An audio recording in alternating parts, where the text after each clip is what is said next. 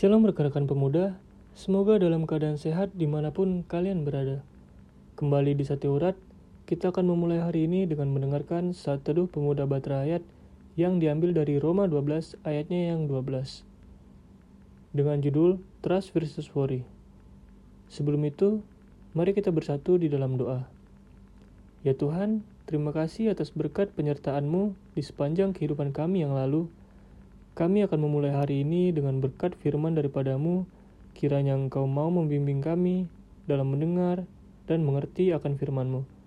Terima kasih ya Tuhan. Amin.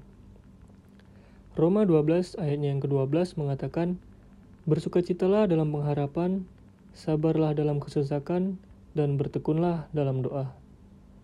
Intervensi yang perlu kita lakukan dalam mengelola kekhawatiran atau kecemasan atau ketakutan adalah dengan menaruh rasa percaya. Yesaya mengatakan pada pasalnya yang ke-30 ayatnya yang ke-15, dengan bertobat dan tinggal diam, kamu akan diselamatkan. Dalam tinggal tenang dan percaya, terletak kekuatanmu. Maka pertanyaannya, bagaimana mengintervensi kekhawatiran dengan rasa percaya? Bukankah khawatir sering kali muncul dari ketidakpercayaan? Setidaknya, Terdapat tiga nasihat Paulus dalam bacaan kita ini yang dapat memberikan penjelasan terhadap berbagai tanya itu. Pertama, bersukacita dalam pengharapan. Orang khawatir bagaimana disuruh bersukacita? Apa bisa? Nah, di sinilah orang sering salah paham.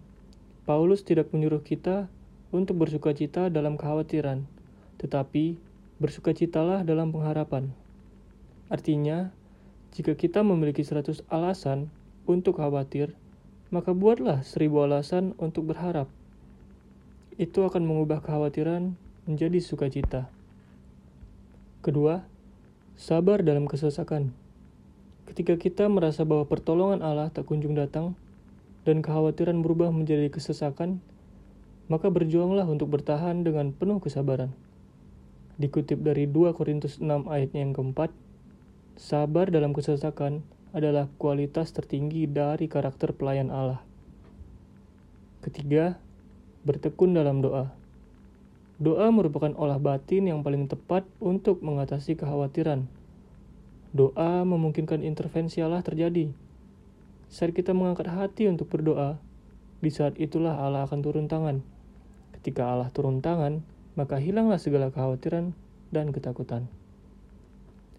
Demikianlah hendaknya setiap kaum muda mengelola kekhawatiran dalam hidup, yaitu dengan menaruh rasa percaya melalui tiga cara yang paling jitu untuk mengatasi jebakan kekhawatiran.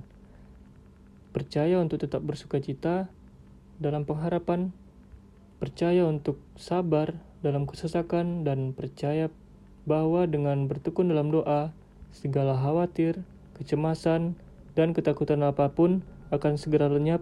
Amin. Mari kita berdoa. Ya Tuhan, terima kasih untuk renungan yang kami dengar sebentar tadi.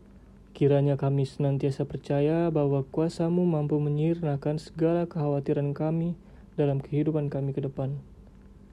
Di dalam nama Tuhan Yesus Kristus, kami berdoa. Amin.